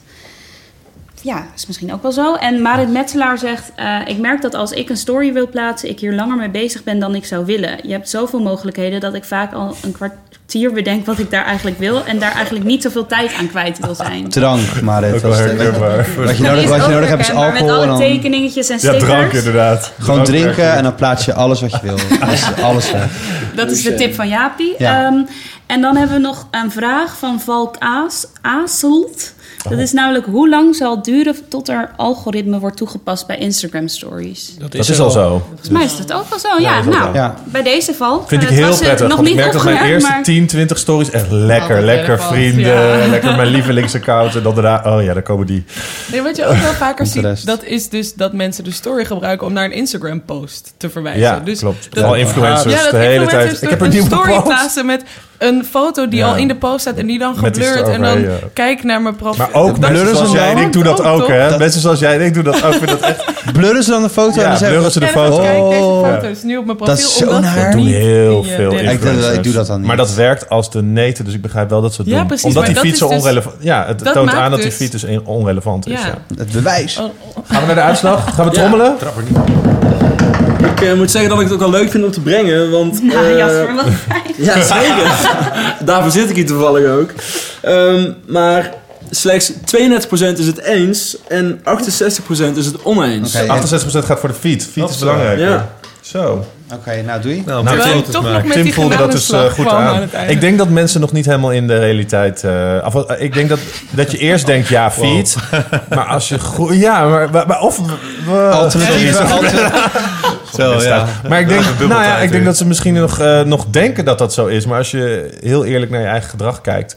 dat ze meer tijd spenderen in de stories. Alternatieve uitleg is dat Tim gewoon slimmer is dan wij. En dat Ja. moeten we gewoon accepteren. Dat met Ik heb niks gezegd, hè, want ik wist de uitslag helaas al. Dat niet heel Oh. handig is. Maar eh, Goed gedaan, Tim. anders had ik denk ik ook stories gestemd trouwens, om heel eerlijk te zijn. Dus dan had Tim nog steeds... Thanks was voor de Tim de enige heldere, heldere licht hier geweest. Oké, de volgende stelling. YouTube gaat tv volledig vervangen. Emiel. Zo, ja, dat vind ik wel lastig. Ehm, nee, nee, kijk, de tv is... ehm, eh, nou, oké, oké, dan heb je het, traditionele broadcast. Eh, dus de, de, Ja. Want de tv is eigenlijk natuurlijk al lang je tv niet meer. Ehm, nou, voor nee. veel mensen denk ik wel hoor. Drie uur en twaalf minuten gemiddeld per Ja. dag, geloof ik. Nee, Ja, tuurlijk, dat maar, ja, ja, maar linie, echt lineair kijken. Ik bedoel, echt wie, wie, kijkt, wie er nog... eh zeg maar de incidenten... Nou, laten we bejaarden vragen. Wie kijkt er nog lineair? Nee, Dat is een goede Ik vraag. Wat is televisie in deze? Want is Ja. lineair Ja. kijken televisie? Of is... is Netflix is televisie? Netflix televisie als ik dat op mijn tv-scherm doe? Het is een hele, hele moeilijke stelling het, om te het- beantwoorden. Het wordt ook steeds meer diffuus natuurlijk. Maar voor, maar Ja, voor de dus- sake of argument, zie je Netflix als tv of zie je Netflix dan als YouTube? ja, nou, ja, Daar- dat is daar interessant aan deze stelling, hè? Ik Netflix, Oeh, is Netflix, multi-interpretabel. Netflix als concurrent, Multi-interpretabel. eh, nee, maar nou ja, ik vind Netflix Ik kijk als, YouTube op eh, mijn tv. Netflix Eh, wel als duidelijke concurrent van YouTube. Zeg maar. dat je, dat, dat- daar gaat het gewoon om de aandacht, om de tijd die je erin steekt. En die tv is gewoon een scherm. En eh, ja, weet je, de, op, je, op je tv, daar kijk je, daar switch je gewoon naad, naadloos van YouTube naar Netflix, naar gewoon... Ja, ik schakel inderdaad tussen lineair. lineair, maar- Ik doe dat wel. Ik schakel van lineair naar YouTube naar Netflix. Ja, Allemaal dus dat, dus dat is inderdaad om niet zo ingewikkeld. Maar, Maar lineair, laten we dan Ja. lineair eh Ik- ervoor ik denk zetten, dat, eh, YouTube kijk- gaat lineair tv kijken volledig eh, vervangen. Nee, Nee. want we gaan ook live op Facebook. Dat is in principe lineair. In, Kijken. ik- Ja. Dat Ja. is live gaan op een ander live gaan op YouTube en daar live uitzending Jij, zit uit- natuurlijk, jij komt hier vanuit Endemol, dus eh Nee, maar het is. het is ook niet meer een lineair tv-bedrijf maar het ding is, ik denk wel dat televisiebedrijven en dus het is een van de belangrijkste media outlets geweest. Toch wel een hele tijd. En ze moeten zichzelf opnieuw uitvinden. Want deze manier van puur, we pakken iets, we gooien dat op zender. En mensen hebben maar acht keuzes. Dus ja, Ja. je pakt er altijd een paar. Die kijken, toch? In het slechtste geval. En in het goede geval eh, kijken er heel veel. Kijk, dat werkt niet meer. Maar, Maar aan de andere kant kijken er 2,6 miljoen mensen Ja, lineair TV naar Wie is de Mol. tv is zeker, zeker nog niet dood. Nee. Ehm, al zit ik op digital, dus dat is. het Ja. is ik denk nog. Ik denk ook dat we vanuit digital toch geneigd zijn te denken dat het verder is. Eigenlijk hetzelfde als bij die stelling over de stories en de. En soort de feed. Dus we zijn geneigd te denken dat het al verder is dan dat het is. Eh, Ja. Er kijken heel veel mensen televisie. En eh, het is nog steeds het centrum van heel veel huiskamers. En dan zit daar nog steeds gewoon lineair Ja. eh zappen. Maar ook jongeren is denk ik hier een beetje de key. Hè? Want ik denk dat jongeren, Ja. daar gaat... het- Tuurlijk zitten er 2,6 miljoen mensen... die gewoon Nederland 1 niet wegzeppen op een hele dag. NPO 1, sorry. Ehm, maar jongeren is wel echt de vraag of die de tv nog op de oude manier aanzetten. Ja, te- dat- tele- televisie is ook niet dood, maar het verdienmodel is dood. Dat- En uiteindelijk zeg maar, heeft dat natuurlijk wel tot gevolg dat de hoe televisie bedoel je gaat dat voor die veranderen. model? eh? Eh, Reclameblokken, zeg maar. Gewoon eh, het reclame kijken. Dat, eh, maar er wordt nog dat- steeds wel bakken uitgegeven. Ja, maar, Ja, maar het wel, wel kwartaal, kwartaal op kwartaal minder. En eh wij, waar, een medium waar, waar het zeg maar, eigenlijk in de geschiedenis van het, van het bestaan van het medium alleen maar groeide, jaar op jaar. Is het nu eh, de laatste twee, drie jaar al helemaal aan het, eh, aan het afnemen. En dat zijn nog kleine percentages, maar goed. eh, Ja, vorig jaar worden ik mensen wel heel behoorlijk 2016 nerveus van. 20% eh, kijktijd eh, minder was. Ik geloof dat 2017 wat minder ja, erg was. het daalt sowieso. Maar- Alles neemt toe en tv neemt af. Dat Ja. is gegarandeerd waar. Maar ja, goed, we luisteren ook nog steeds radio. Weet je, het is, er is ook wel iets magisch aan gewoon lekker... Nou ja, maar, Nou, podcast kies je zelf. En punt je, maar we zeiden ook heel lang, we lezen nog kranten en we lezen nog boeken. En, maar het wordt natuurlijk allemaal steeds marginaler. eh. Nee, klopt, maar daar zit, daar zit een ander verdienmodel achter. En dat is met televisie. Ik bedoel, je kan niet maar gratis hele, hele toffe programma's blijven maken... zonder dat je dan... Zie je ook wel aan de creativiteit van de TV tv-programma's. Ja, dat de, lastiger de, de, de mooie producties die komen nu van Netflix of van HBO of dat nou, Amazon eh, binnenkort. Maar goed, ja. Ik weet dan alleen niet of YouTube de partij is die zeg Nee. maar televisie verstaat. Ik denk Nee. in de stelling dat dat een groot... YouTube is toch... Ik denk Echt? ook inderdaad dat het uiteindelijk uit meerdere partijen bestaat. Ik denk dat televisie heeft sowieso een probleem. Ik denk dat wel dat uiteindelijk een doelgroep blijft, voornamelijk een oudere doelgroep, die gewoon loyaal op vrijdagavond op de bank blijft zitten. En lekker Ja, zolang er nog programma's eh, worden uitgezonden. en Zolang er leuke programma's en leuke content wordt uitgezonden. En ik denk dat YouTube in deze zin ook wel een probleem heeft. Want Ja. het gaat zo meteen niet meer... Als je wel kijkt naar de eredivisierechten in Nederland... er zijn nu twee partijen die erop bieden. Dat is eh, de baas van, eh, van Anne, meneer De Mol... en dat is, eh, en dat is de, en, en de NPO. Ja. En, dat, en dat, dat is het eigenlijk. En wat er zometeen gaat gebeuren is dat een Amazon, een, eh, een Netflix, een Snapchat, een Facebook, noem het maar op, die gaan ook daarmee bieden. Ja. En dan gaat het puur over wie heeft zometeen de grootste portemonnee daarvoor. Ja. En ik geloof dus niet dat als je zometeen de Champions League alleen nog maar op Twitch kan kijken, of je kan het eh, live zien op Netflix. Wat is dan nog de toegevoegde waarde van per se een NPO of, een, Ja. of überhaupt Ja. een... eh, Nou, het lineaire merken. Dat je aan je merk werkt. En ik denk dat NPO wel goed de laatste jaren aan wel meer een merk weer, voor mij, wat mij betreft, is geworden. Ja. Maar of het op tijd is, ze hebben natuurlijk wel hele sterke programma's die sterk zijn online. Ik vroeg me ook af of er bij Animal eh, tv-programma's zijn die echt heel sterk zijn online. Misschien wel sterker dan. eh, TV-programma's die sterker Ja, die online heel- zijn dan op televisie. Ja. ja. die eigenlijk aan het shiften zijn. Ik, ik vind zelf een Arjan, Arjan Lubach, je, zondag op Lubach, dat geldt prima redden als hij gewoon zijn items op eh, online zou distribueren. Dat zou ook gewoon miljoenen bereik hebben. Ik denk dat het En- niet... Maar... Nee, Of dat, kijk, dat denk ik dus dat denk je dat niet? Denk ik Ze ook hebben al miljoenen Nou, ja, precies. Ze hebben online al miljoenen ik- bereikt. Ja, omdat, ze, omdat wel- ze een televisieprogramma hebben. Het is Nou. een onderdeel van een groter geheel. Kijk naar Boos, hè. Ik bedoel, Boos had eh, de kakenaflevering waarbij Tim op zijn eh, bek werd geslagen. Heeft- heeft makkelijk miljoen. Veel, veel meer volgens mij. Ik denk dat volgens mij was het iets van 2, 3 miljoen. Sorry eh, voor de, dat ik de live statistieken er even niet bij heb. Maar dat was vooral natuurlijk, dat je het en fragment dat komt wel omdat hij ooit van tv kwam. Maar volgens mij heeft hij tv Nee, niet. ik, ik denk dat ook hier hetzelfde... Ik denk dat de vraag niet per se is... oké, kunnen televisieprogramma's eh, het ook online goed doen? Maar eigenlijk wat Tim helemaal in het begin zei... Zo, wie is je publiek? Eh, waar zitten die? En wat ga je voor hen maken? Dus we maken met Endemol wel digital first programma's... maar heel eerlijk, dat is wel voor een jonger publiek. Ja. Want als ik een publiek van 40 jaar wil, Wil, bereiken... ja. als ik een verhaal heb te vertellen wat voor hen relevant is... ja, wat ga ik doen op YouTube? Ja. Hoe ga ik Ja. die mensen Nou ja, krijgen? Vloggen. Ik bedoel, ik zei tegen mijn ouders van... zouden jullie vlogs kijken als een relevant iemand van 50 plus zou gaan vloggen? Maar ze hoe, allemaal zouden, ja. hoe zouden zij Ja. weten dat iemand van 50 plus gaat vloggen? Op hoe tv. krijg je... Ja, precies, Ja. snap je? Dus In de dat wereld is wel... door, ja. je bereikt, Het is echt tegen wie wil je verhaal vertellen? En dat doe je daar. Dus we zijn Ja. wel degelijk aan het onderzoeken. Daarnaast heb je het ook inderdaad, naast waar zit je publiek, heb je ook inderdaad, elk platform is anders. Wij krijgen nog zoveel merken die naar ons toe komen die zeggen van, hé, we hebben hier een tv van 30 seconden. Willen jullie er iets voor Snapchat van maken of iets Ja. voor Instagram? Ja. En dan moeten wij melden van, ja jongens, ten eerste is het niet op de goede manier geschoten. Ten tweede kun je het, eh, gaat het niet om die 10 seconden. Het gaat om de allereerste seconde. Het gaat... Uiteindelijk, als je nu content zou maken, moet je niet voor één medium het gaan maken. En achteraf gaan kijken naar de distributie. Je moet dat in je Ja, productie moet het je dat al plan. gaan ja. doen. Maar ik geloof wel dat sterke contentmerken... Neem een Masterchef, bijvoorbeeld wat wij in onze portfolio hebben. Ik geloof dat je over 30 jaar nog steeds best wel Masterchef Robinson ook wel. zou kunnen. Ja, bijvoorbeeld, maar dan zou je dat... Dan moet je dus na gaan denken. Dan moet je, als je Masterchef op Snapchat wil hebben... moet het totaal anders in elkaar zitten. Ja. Dan moet het totaal een andere Ja, maar nu wordt het als, als backstage content. Kijk, een interview met kandidaat X die na Maar twee weken daar- afviel. als je daarop inzet, denk ik wel dat het kan. Maar dan moeten bedrijven wel de ballen hebben... om dus te zeggen, oké, we gaan dat sterke merk nemen... en we zijn bereid de winnende formule los te laten... Ja. om het pas, passend te maken voor het Ik zou er naar kijken we- als op Snapchat een soort eh, echt goed realityprogramma à la Wie is de Mol, Masterchef Ja. of Expeditie Robinson een ander format zou presenteren wat, wat inderdaad op Snapchat of zich op Facebook, zou- ik zou zeker kijken. Maar ja, jij zou op je fiets, zeg maar, in de stad heel Hoef even... je op mijn massa- fietsen. Ik zit echt op de bank heel vaak YouTube filmpjes te kijken of eh, op je stories. telefoon. Ja, ik kijk, ja ik, maar ik consumeer echt heel veel media tegenwoordig gewoon op mijn telefoon. Ja, prima. Ik denk namelijk, ik, denk, ik ben het helemaal eens. En ik denk dat, dat het idee van televisie nu vooral het lineaire idee is.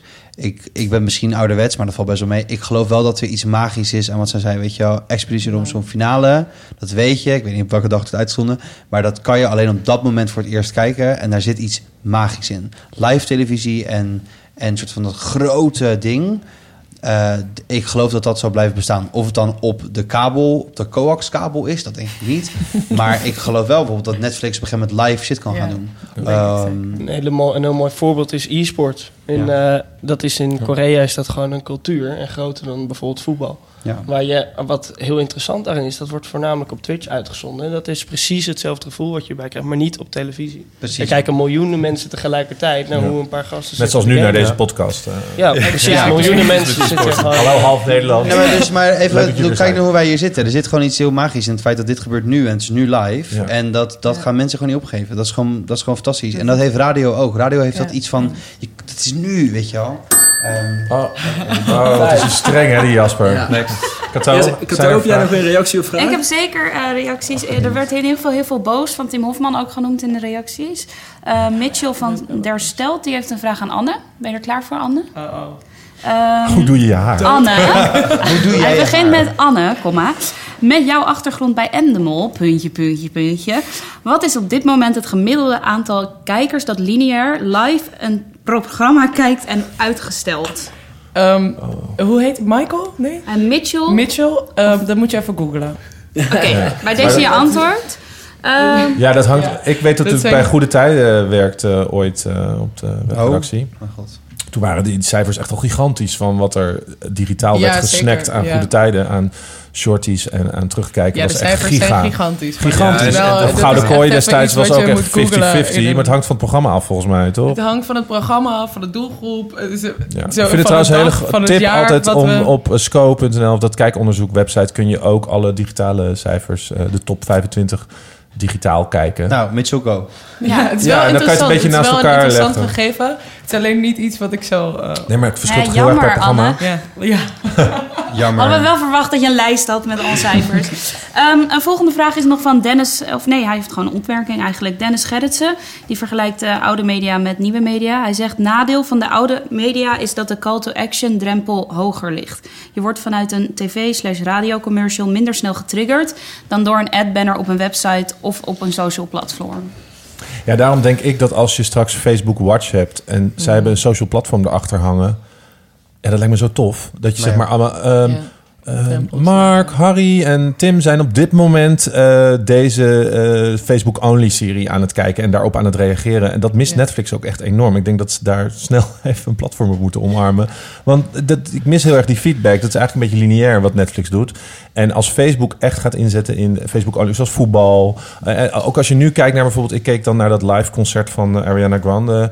Dat was niet normaal. Die impact die dat had, ook op mij als kijker, zeg maar. Al die hartjes en Ja. reacties. Het is zo Ja. vet. Het is, eh, ja, het is ook heel heftig. Maar ik neem aan dat je het ook kan gaan kijken zonder dat allemaal te zien. Net zoals dat je het ook zelf ervoor kan kiezen om Expeditie Robinson met je Twitter-scherm eh, te kijken. Denk ik dat het ook mogelijk moet zijn dat zonder. Maar de impact die dat op mij had om iedereen live te zien meekijken. Om ook de views op te zien lopen. En zeg maar, ja, ik heb er echt zin in dat Facebook, dat ik op zo'n manier een serie kan kijken. En vooral bijvoorbeeld reality tv op Facebook met live interactie zou kunnen kijken. Ja, tien keer toffer dan lineair. eh, ik, heb kijken. bijvoorbeeld geen televisie, gewoon geen kabel thuis, wel een tv. Eh, maar ik heb toen eh, Feyenoord kampioen werd, toen heb ik dat live op Facebook zitten kijken, want ik wilde het wel Ja, kijken, vet. want Rotterdam. Eh, en ik wilde het wel zien, toen- op Facebook was er een stream en toen heb ik het gewoon gekeken daar. Maar dan mijn punt is, dat is nog steeds lineaire tv, want het gebeurt op dat ja, moment. maar dat interactieve element, dat is heel tof. Ja, en dat- ik Ja, denk vooral precies, dat maar- Facebook echt met Watch zou, kunnen ze daar heel veel winnen. Want YouTube heeft niet voor niks heel hard gewerkt aan een community creëren... en aan dat er meer wordt gereageerd en dat die profielen sterker worden. Want Netflix en alle lineair tv, kijk, mist dat. dat er geen, als Facebook gewoon straks series gaat pushen de hele dag... notificaties gaat aanzetten... hallo, het nieuwe seizoen is online van Poeshond, de serie... dan gaan we dat allemaal kijken. Ja. En Netflix kan dat, maar heeft eh, oude traditionele PR daarvoor nodig. Nee, en, eh, interessant is wel, als je kijkt naar Netflix, bijvoorbeeld neem een Stranger Things, dat het hele, die hele sociale, het sociale aspect, en dat Ja. gebeurt niet op hun platform zelf. Nee. Dat verplaatst zich wel naar een Instagram. Ja, maar stel dat Instagram en Facebook alleen nog maar hun eigen series gaan pushen. Bijvoorbeeld, dan, dan krijg je, dat, dat is voor hun een enorme kans. Dat Enorm. zie je voor alle, voor alle sociale Maar we hebben het nu over dat social, zeg maar, van de gebruiker. Maar wat je zei, het eh, verdienmodel van televisie is dood. Ja. Dat zit hem hierin. De conversie op televisie is helemaal niet een... Ja, een soort, oké, ja, je hebt dat gezien in een tv-reclame. Daarom Ja. heb je het... Dat weten we niet. Nee. Terwijl als ik dat uitzend op Facebook en je klikt daardoor... Ja, of je, dan weten we dat wel. Ja. En daar zit natuurlijk voor dat soort platformen weer winst in. Er moet, net- iemand moet wel nog gaan betalen voor die producties, namelijk. Ja. Voor, Ja, dat is ook slim aan Netflix dat meteen allemaal betaald is geworden geweest. Ja. En dat Facebook dat niet is, is natuurlijk ook... Ja. Even de uitslag, eh, jongens. Hey, Ja? Eh, Ehm, eh, trouwens, over de vraag eh, waar ik zelf aan moest denken. Als er nog één doelgroep is inderdaad die lineair tv kijkt, dan is het volgens mij wel Twitter. eh die gaan meekijken, dat schoot mij nog te binnen. Maar dan door de hele lange reclameblokken zeggen mensen wel... Nou, het is reclame. Ik ga even mijn huis metselen, mijn hond uitlaten en, en, en koffie zetten. Dus ja, ik snap wel dat mensen misschien enigszins klaar mee zijn. Maar de stelling, YouTube gaat tv volledig vervangen. eh, daarmee is 33% het eens en 67% het oneens. Ja, en is ik heb nog eh, een formulering hele inhoudelijke opmerking van Sven Oel- Ulrich. Eh, hij vraagt zich namelijk af of het eh, kleedje op tafel vegan is. Oké, dankjewel Sven. en door. Bedankt Sven. De volgende stelling. Webcare-medewerkers worden robots. Wie wil daarop eh, reageren? Hoofdinnovatie. Ik denk eh, dat- social Ja, media. ja, ja, ja. Ik vind, ja weet je, oh, sorry, ik eh, trek je microfoon. Ja. De, eh, nee, ze worden geen robots, maar ze worden wel een, voor een groot deel ondersteund door robots. En daarmee wordt het wel makkelijker in ieder geval om, om, om klanten te kunnen servicen via social. Heb je daar al, heb je daar zelf ervaring mee? Eh, nou ja, goed, we, we, we doen veel webcare, veel webcare trainingen ook eh, bij eh, de, de, de klanten waar we voor werken. Dat trainen de webcare teams van de meeste klanten. En, en dat, dat, dat moedigen wij ook aan, die hebben vooral een webcare in huis zitten. Ehm, maar goed, we- we- wat, ehm, eh, bijvoorbeeld, ik zag laatst een, een case van, van Sonos bijvoorbeeld. Hè, die, die besloot op een blauwe maandag van... Goh, laten we, ook, nou, laten we nu ook bereikbaar zijn via Messenger van Facebook. En eh, ja, het explodeerde echt. Kijk, op dat moment heb je ook gewoon echt robots nodig om je, om je te helpen... om eerste dingen te kunnen filteren. Nou dat zeg je nu snel, maar dat is ook misschien gewoon slecht ingericht dan, of niet?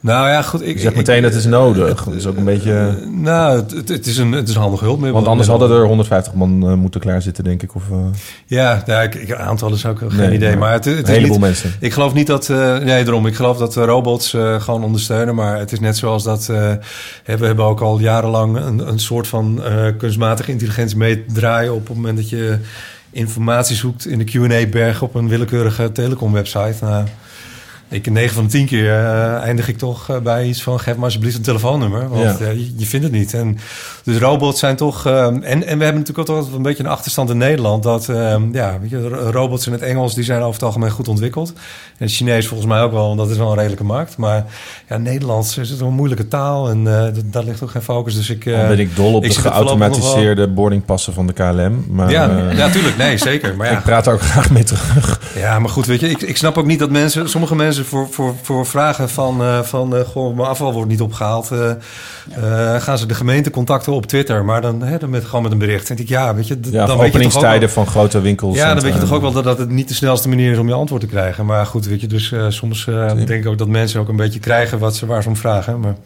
Ik denk vooral dat eh, kunstmatige, kunstmatige intelligentie, Elon Musk noemt het het grootste gevaar van deze tijd. En ik zag laatst ook een filmpje van een of andere robot, die maakte een salto en die, eh, die sprong ergens op en ik was echt doodsbang, word je ervan. En Die hond vind iedereen, ik ook nog iedereen reageerde via Twitter van wacht een paar jaar en dan kun je die robot niet meer met het blote oog zien, zo snel is die. Ja. En wat ik dus denk, zeker met nieuwe technologie, Maar Oh, dat vind ik het een heel nou naar idee. VR, AI is, het wordt op korte termijn wordt het altijd overschat. Van oké, ja, het is er niet. En dan is altijd een dipje van, oh, het valt toch tegen. En dan wordt het op de lange termijn wordt Ja. onderschat. Uiteindelijk wordt, gaan robots gaan veel meer vervangen dan wat je nu denkt. Zeker de baan van het creatief bij een bureau. Ik denk dat dat zelfs uiteindelijk eh, vervangen zou kunnen worden op creatief gebied. En Ja.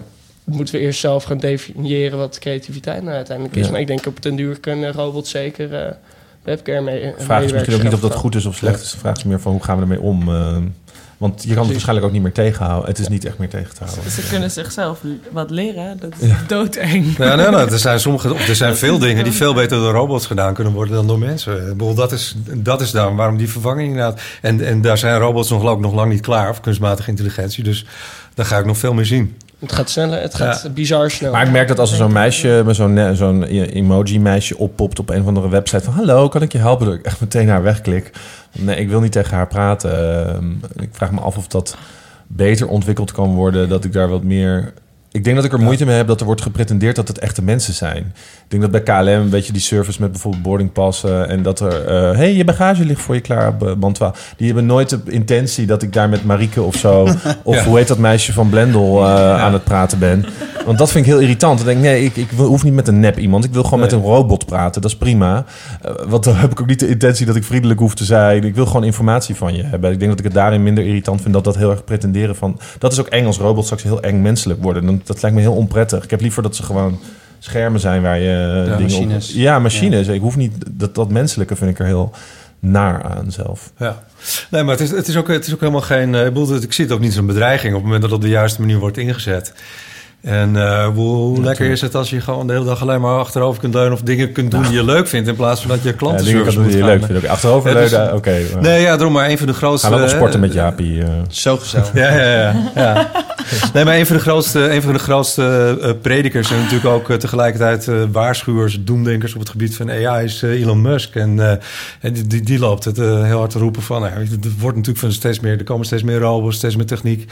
En tegelijkertijd roept hij dus... we moeten ook heel hard een universal basic income hebben... hebben zodat weet je, mensen die eh, niet bang hoeven te zijn... dat ze hun baan kwijtraken. En, en dat is, eh, weet je, ja, dus ik, ik zie het ook niet als een bedreiging. Wel, we moeten daar wel wat eh, over nadenken hoe we daar eh, maatschappelijk mee omgaan, zeg maar. Kom jij het al in je werk tegen? Nee. Weet je, ik hoorde toevallig een podcast op weg naar werk vanmorgen. En toen was er een fragment en toen zeiden ze... Over 30 jaar worden, wordt je complete eten per dag wordt geserveerd in een heel klein pilletje. Over 30 jaar is dat de toekomst. En dat bericht kwam uit 1921 of zo. Weet je, fuck af. Het, eh, ja, ik denk dat robots eh, gaan, eh, of AI zou ik moeten zeggen, gaat helpen bij dingen als klantservice. Omdat je wil gewoon een hele hoop domme dingen, namelijk wat is je postcode huisnemen en dat soort dingen wil je gewoon allemaal kunnen automatiseren. Daar wordt iedereen blijer van, gaat alles sneller van. Ik, ik ben heel conservatief in dit soort dingen. Op een gegeven moment, als je zeg maar, het echt niet meer weet, dan wil je gewoon tegen een andere human praten. Ja. En that will never change. Maar ik denk dat het op een gegeven moment niet meer gaat over wat wij willen. Er wordt namelijk AI gemaakt die, die zichzelf dingen aanleert, die alles opneemt. Uiteindelijk komt er een computerprogrammaatje wat alles kan wat het gezien heeft. En dan gaat het niet meer over of ik liever tegen een echt persoon mijn gevoelens uit. Dan gaat het gewoon over dat die computer misschien wel eindeloos kan. We weten dat niet. Dus En gewenning, ik denk dat het toch gewenning, net zoals vloggen vijf jaar geleden, eh, het is ook gewenning. jouw camera-angst. Ja, mijn camera-angst. Al dan niet. Ja, ik denk ook, wat er ook een interessante beweging daarin is, is de opkomst van eh voice-assistenten. Ja. In eh, 2022 heeft 55% van alle Amerikaanse huishoudens één of meer van die apparaten in hun huis staan. Heb je er zelf een? Ja, we hebben op kantoor hebben we er een, hebben ze allemaal. Alexa, alleen de HomePod nog niet. Die komt, eh, die komt eh, kunnen we morgen bestellen. dus dat wordt, dat wordt tof. Ja, Nee, ik heb sinds kort dat ik mijn wekker via Siri zet. En dat is eigenlijk best wel Als chill. Siri zet ik... Maar dat is uiteindelijk alles, ja. Nee, ik gebruik haar Echt, echt. ik Ja. doe alles, Siri. Echt? Ja, Uh, reminders, we.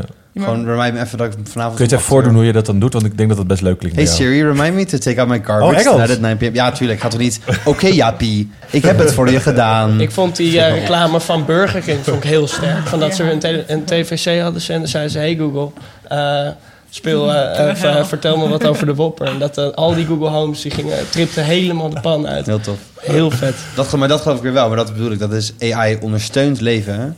Als jij het hebt over robots gaan webcare vervangen... dan heb je het dus over dat als jij eh, op het vliegtuig... op het vliegveld staat en je vlucht is gecanceld... maar je weet niet waar je heen moet en je weet het echt niet meer... als je dan KLM belt, dat je dan tegen een robot praat...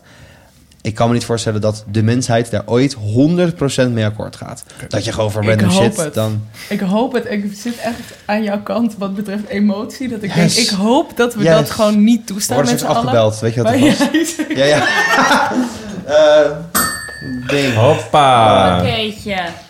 Ehm, even kijken, we hebben wat reacties hierop. Eh, Jan Holtman die reageert met dat kunstmatige intelligentie in customer care al lang geleden is begonnen. Bij het eh, telefoonbandje met toets 1 voor, toets 2 voor. Intelligentie vind ik wel een groot woord bij dat bandje, maar Kunst- Kunstmatig wel. kunstmatig is het zeker. Je moet ergens beginnen. Ehm, en dan nog een vraag van Noor. Eh, die vraagt, wordt content straks ook niet automatisch geplaatst? Ja, dat gebeurt nu ook al. Ja, zoals je die hebt- enge filmpjes van... eh, Nee, maar je hebt nu Die toch- zelfgegenereerde nee, maar je hebt nu toch ook al, eh. zeg maar, op het moment dat je, dat je op een bepaalde webshop of weet ik veel wat bent geweest, dan krijg je continu banners en, en ook video voor je neus. ja, maar het is niet content die gemaakt is door... Dat is ingesteld door een mens. Ik, Ja, dat- nee, klopt, klopt, maar ja, dat is, dat is niet ver weg. Sorry. Dat- Ik denk dat dat gebeurt nu al als je kijkt naar wat je allemaal eh, kan met AR en eh, wa- wat daarmee gebeurt. Is dat tegenwoordig kunnen computers ook content maken en dat ook Ja. automatisch plaatsen en wegtesten. En je kan nu geloof ik ook tvc's inladen in YouTube... Of, of, of reclames inladen in YouTube... en dan bepaalt YouTube via een algoritme... Ja. hoe die reclame eruit moet komen... Wij doen, het meest met, op wij doen het met banners. Even het wel ouderwets uit. Ja, oké, met 100... eh, Ja, maar als jij naar Zalando gaat en je kijkt naar schoenen, doen ze het toch? Ja. En toch komen merken ook wel ja. een beetje terug van, eh, van programmatic. Ja. Inderdaad, wat je Ja. zegt van Procter Gamble, die hebben 100 miljoen uit een reclamebudget gehad. 100 miljoen, die hebben geen verschil in resultaat gezien. Ja. Dat komt mede ook door, door bots en door alle zooi die er ook tussen Ja. zit. Dus in dat geval denk ik zometeen, daar vind ik een ander ding wel heel interessant, is een blockchain. Wat, eh daar gaat nu elk jaar gaat er 7 miljard dollar verloren aan bots en alles. En dat, zometeen kun je dus zelf zeggen van oké, heb je überhaupt nog wel... eh, kun je mensen ook gaan betalen voor hun aandacht. Dat als zij een advertentie kijken, dat je ze in microvaluta kan uitbetalen. Ja. Daar gaat het zometeen eh, naartoe. Ik ben wel toe aan de uitslag. eh. Ja, ehm, van alle stellingen tot nu toe lag deze nog het meest dicht bij elkaar. Eh, in ieder geval 40% is het eens Oh. en 60% is het oneens. Zo. Ja, ik denk dat ze dat doen omdat er al een deel natuurlijk eh, door robots zijn. die 40% waren AI die voor zichzelf Dit dit zijn robots in Siri, mee te Siri, stemmen. yes, yes, yes, yes, yes. Oké, dan eh, deze. eh, Ik heb nog één vraagje. oh. Mag ik eh, eh, een stelling of een vraag over het vorige, voor de vorige stelling stellen? Nou, als hij heel interessant is wel. En ik verwacht nou, Mark-Jan Robinson die zegt, oh, te laat. Maar bij het vorige thema vroeg ik mij nog even af. Dat is dus die van YouTube eh, versus tv. Ehm, lopen reclameinkomsten bij reguliere radio en tv niet ook terug... omdat internet wat betreft reclameregels nog een wild westen is? Eh, ja, maar dan maakt ze het gewoon duurder en dan, vallen de- dan zijn de inkomsten hetzelfde. Hoe bedoel je? Sorry. Nee. Ik denk dat eh, reclameinkomsten op televisie teruglopen... omdat er veel meer media zijn om je budget over te verdelen. Zo Nou, veel gerichter. Want mensen zeggen gewoon, ik wil Nee, maar 12 überhaupt tot 18 al- die van... eh Überhaupt al meer. Poesjes Dit- houdt. Überhaupt al is jouw... Budget hè? Poeshond was die andere. En Ja, op. De reden, de reden dat de top 500 adverteerders de afgelopen paar jaar allemaal in marktaandeel zijn gezakt, is gewoon omdat er nog steeds elk jaar 83 miljard naar tv gaat. Dus waar je nu, wat het mooie tegenwoordig is, dat, dat aandacht is zo verspreid over al die platformen. En die platformen kun je allemaal. Vroeger had je gewoon een paar ton nodig en dan kon je televisiereclame wegzetten. Tegenwoordig kun je met 100 euro kun je gewoon al resultaat behalen. En dat komt gewoon omdat al die platformen zijn allemaal gebaseerd op een, op een niche. marktplaats. Dus Ja. op bieden, op aanbod en bieden. En Ja, en gewoon nu, gericht. Ja. Gewoon voor 50 euro Toen- kan ik al hele relevante mensen in voor een bepaalde kleine toen doelgroep. Google eh, AdWords net werd geïntroduceerd, kon je het woord auto kopen voor 5 cent de klik. Als Mercedes, Audi, BMW toen hun reclamebudget daarop hadden gezet, waren ze vandaag twee keer zo groot als dat Maar- ze nu zijn. Maar eh, hebben wij even antwoord gegeven op de vraag... Wat, op de wetgeving, of het daardoor komt dat het nog een wild westen is op het internet? Ja, maar Nee, dat valt daar ook wel mee hoor, trouwens.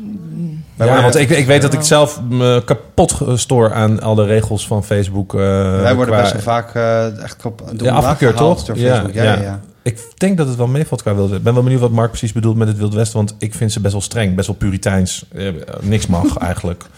Toch? Het is, het is best wel streng. Ik denk dat je op eh, BNN eh, eh, om eh, na tien dat je heftigere dingen kan uitzenden dan op Facebook. Het stoort me eigenlijk best wel dat we die wetgeving hier hebben. Ja, even als, een- als een soort van een grappig voorbeeldje. Wij hebben heel lang een campagne gedraaid samen met Milner Kaas. En die hadden we, die hadden we helemaal terug naar hun eh, blote lichamen ding. Deze podcast wordt mede mogelijk gemaakt door Milner Kaas. Campina, NV. Ehm, de, maar die, ehm, die reclame kon wel op tv, maar op Facebook werd, werd die afgekeurd omdat er te veel bloot Ja. in zat. Ja, dus grappig genoeg was het precies andersom. Ja. Doodeng. Ja. Die- die- Bots, eh, waren vast bots. Die. Nee, die, die, was, cowboy, was de AI, die vond het vies. Nee, die, komt- Ja, die, die- die, die, die cowboy-opmerking is denk ik ook meer over alles wat buiten de social platformen gebeurt aan advertising. Omdat eh, die, eh, Facebook en YouTube, en dat is allemaal wel redelijk gecontroleerd. Die hebben zelf hun Maar wat, moet ik daarbij voorstellen bij buiten? Nou, de, de banners, eh, hoe de, overal waar je een banner op kunt gooien. Ik bedoel, eh, je noemde net Procter inderdaad. Oh, En die, cookie en, en, en Procter heeft het aantal sites waarop ze adverteren nu teruggebracht tot max 3000 die ze dan gewitelist hadden. Ja, Maar eh, YouTube doet hetzelfde. YouTube die heeft een, plat, heeft, een, ja, die heeft een programma waar dus creators in zitten. Omdat zij kritiek kregen dat advertenties dus voor hele lugubere content werd getoond. En daar Ja. zit die Jake Paul ook in. En Ja. die is er nu daar ook uitgezet. Ja. Dus inderdaad, ik denk dat die platformers zich ook steeds meer bewust van... oké, wat voor content is op ons... zeker adverteerders, die willen ook Ja. steeds beter weten... waar, Waar wordt mijn adverte- waar worden mijn advertenties en waar wordt mijn content geserveerd. Voor welke content. Ja. Oké. Oh. Ja, maar door toch? Nu, ja, Ja. want we hebben de uitslag al. Precies. Oké. Volgende stelling. Willen we meer of minder algoritme? Meer, Meer? meer. Ik wil ook meteen pleiten voor meer. Ik denk dat... eh, eh, Voor mezelf of voor de wereld? voor jezelf, altijd aan jezelf denken, Meer toch? en af en toe een uitknop. Want hoe kom je ooit nog uit je... Dat is wel Ja. echt Ja. een ding. Je kan niet meer uit je bubbel stappen als zou je het willen. Dat is het hele artificial intelligence ding ook. Ja. Zo van, je kan niet meer... Ik bedoel, als je echt uit je bubbel wil... Hoe de fuck? Ja, nee, Ja, klopt. maar, gewoon, maar niet, maar niet de vak. Het is namelijk niet te doen. Nee, is-. Als, je, als Ja, jij, dat als jij ja. nu kunt allebei zoeken op eh, Berlijn, dan vinden wij al- zulke andere dingen die Ja. erboven komen. Incognito. Dat weet ik surfen, hè?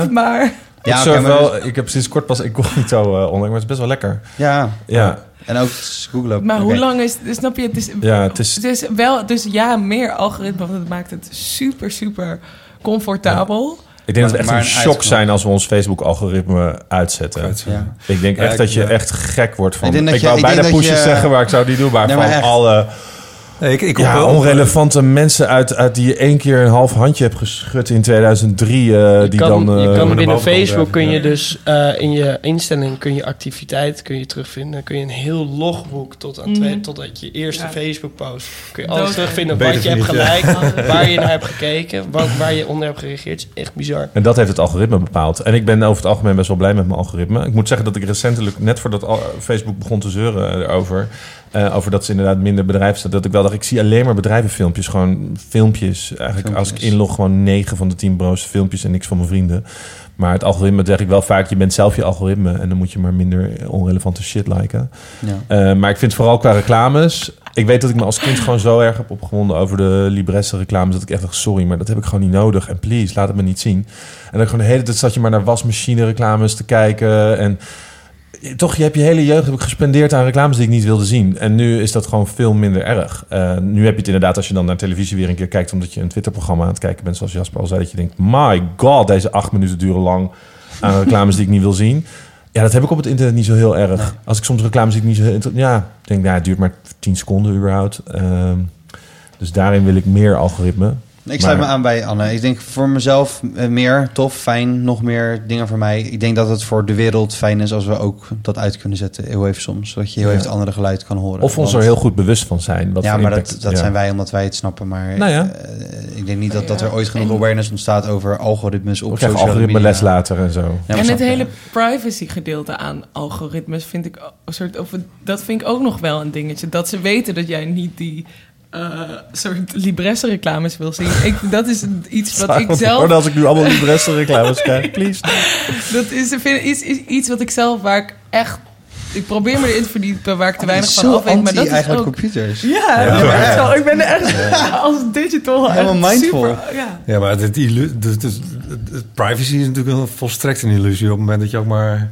Daarom, maar dus is het dan dat is ook nog iets wat hier meespeelt. Ja, en ik denk Ja. ook wel even, je- mensen zeggen altijd, ja, ze weten dat. Maar er zitten echt geen vier mensen nu bij Facebook te zeggen, oh, wat interessant. Diederik wil geen Libresse reclame zien. het is gewoon een soort van computer en dat is een dom ding en die denkt gewoon voor jou mee. En dat, ik, ik zou me daar niet veel zorgen over Nee, maar maken. tenzij dus iemand die computer in handen krijgt van wie je dat niet wil. Tenzij je al jarenlang met een tante op een verjaardag libresse gesprekken voert. En zo, nee, Ja. maar toch, dus dat ja, of, of via je telefoon. Hè, dat, dat, die roddel is er ook al een tijd dat, ze, dat Facebook kan dat je microfoon aanstaat. Snap je? Nou ja, Wat ik Zo- grappig Als ik nu de hele Libresse, Libresse, Libresse... dat mijn Libresse, telefoon dat hier heeft opgevangen. Ja, en, eh, an- anderhalf jaar geleden... Zo lachen als eh, ik een Libresse reclame krijg. Moet je Ja. zeker weten delen. Ja. Nee, anderhalf jaar geleden heeft eh, Samsung al een waar- waarschuwing eh, uitgedaan... dat je beter geen gevoelige gesprekken voor de televisie kunt eh, hebben. Gewoon omdat de tv altijd meeluistert. Ja, en dat, ja, ik wil dat zijn dingen. Ja, weet je, privacy is echt een illusie. Je kan, Als jij het, is vijf- meer, het is meer een beetje ignorance is bliss op dat Als vlak. jij vijf jaar geleden aan één iemand had gevraagd van... oké, over, over een paar jaar heb jij zo'n voice assistent. Daar zitten acht microfoons in. Die luisteren naar alles wat jij zegt. Ja. En die reageren pas als jij eh, dat ding aanspreekt. Ja. Hetzelfde ding is van Uber. Er zijn in Amerika heel veel gezinnen... die geven hun kinderen liever een Uber-abonnement... dan dat ze zelf een auto eh, voor hun kind kopen. Ja. Met drunk, eh, het rij- rijden Ja. onder invloed. En, dan, als jij tegen hen had gezegd van... oké, over een paar jaar roep jij via je telefoon een vreemde op... die jouw kind komt ophalen en dan ergens Ja. anders af... dan hadden ze gezegd, jij bent gek. Ja, ja. En dat is hetzelfde met dit. Het gaat, uiteindelijk wordt het zo normaal voor mensen. Lieve Ja, mensen die dit luisteren in goed? 2023. Ja, welkom. Ik stel me voor dat dit behoorlijk absurdistisch klinkt wat we hier allemaal uitspreken. Vergeef ons alsjeblieft. Maar het was heel moeilijk om de toekomst te voorspellen. Eh, ik zou hier graag de uitslag van willen, want ik wil nog één korte andere stelling. En daarna zou ik het eigenlijk eh, Ja, die mag ja, misschien jij. al richting Ehm, einde willen gaan. Want we zijn al meer het dan, meer, dan een einde uur van het bezig. eerste deel. Of... Van, ja, maar daarna gaan we nog vier uur door met... Eh, jongens. oh, Ja, eh, Oh. dus als het gaat om willen we meer of minder algoritme, wil 27% meer algoritme en 73% minder. Ja, totdat ze zeg maar inderdaad algoritme heeft een slecht eh, imago, ben ik bang. eh. Ja. Ja, het is terecht. Hebben we daar reacties op, Kato, van mensen? Eh, die- ja, best wel veel. Oh. Oh, Even kijken. De eerste is Oh, eh, Dennis Gerritsen is ook boos. Eh, een beetje Oh, een op libresse Anne? verhaal. Oh, oké. Eh, Facebook zegt dat ze meer dingen laten zien van mijn vrienden op Facebook. Nou, niet dus. In 10 posts scrollen kwam ik 9 keer female thoughts tegen. oh, maar dat ligt misschien aan hemzelf. Ja, je bent zo... Ja, Dennis That's your truth, Dennis. Oei. Eh, en verder krijgt Jaapie de groetjes van Ronald Krijtenburg. Ah, Ronald. Oh. Ronald. Oké, en en door? ehm, Fanbase. ik heb nog, eh, nog één eh, wel relevante vraag van Annemarie. Hoe beïnvloedt algoritme het maken van de content voor bedrijven? Aan wie was die vraag aan iemand? Aan het wennen. dacht met je Annemarie zijn, maar dat is de vraag. Ja, dat is de aan Ik heb, ik heb geen, niet geluisterd. Nog een keer de vraag. Sorry. Hoe beïnvloedt algoritme het maken van de content voor bedrijven? Oeh.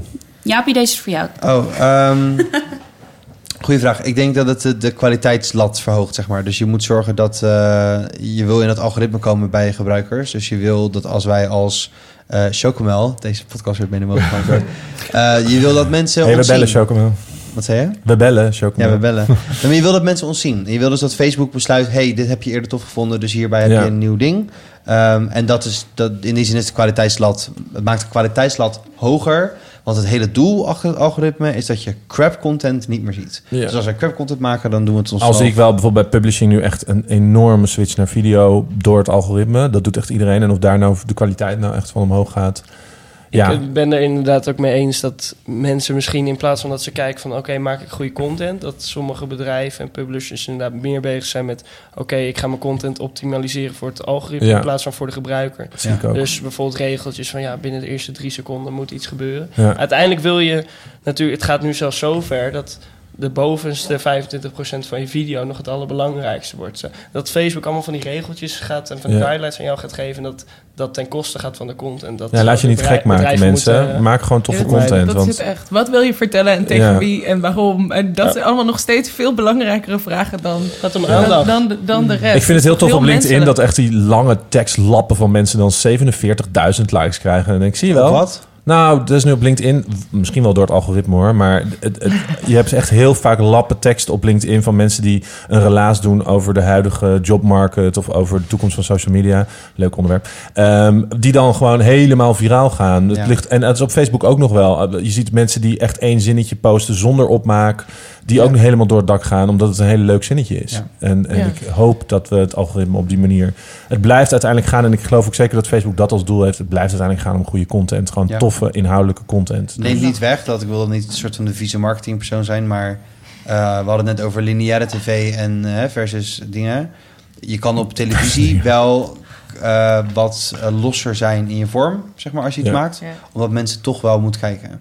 En er zit wel heel veel soort van ehm, kunst in content maken die mensen willen kijken. Ook op YouTube, ook influencers, niet alleen merken, maar gewoon je moet wel een beetje nadenken over hoe je het neerzet. Maar ja, het hele soort van het maakt niet uit wat voor een crap filmpje het is, maar laten we zorgen dat in de eh, linker dat, laten we het logo rechtsboven zetten, zodat als mensen stoppen met scrollen dat ze in ieder geval het logo hebben. Dat is wel heel overdreven. Laten we dat niet doen. Kato wil nog iets van het, eh, mensen thuis. Ja, eh, jullie krijgen Dennis er niet zomaar onder. Oh. Eh, Dennis zegt, oh ja, als dat aan Dennis. mezelf ligt... wil ik wel weten wat Diederik met Ri- Libresse doet.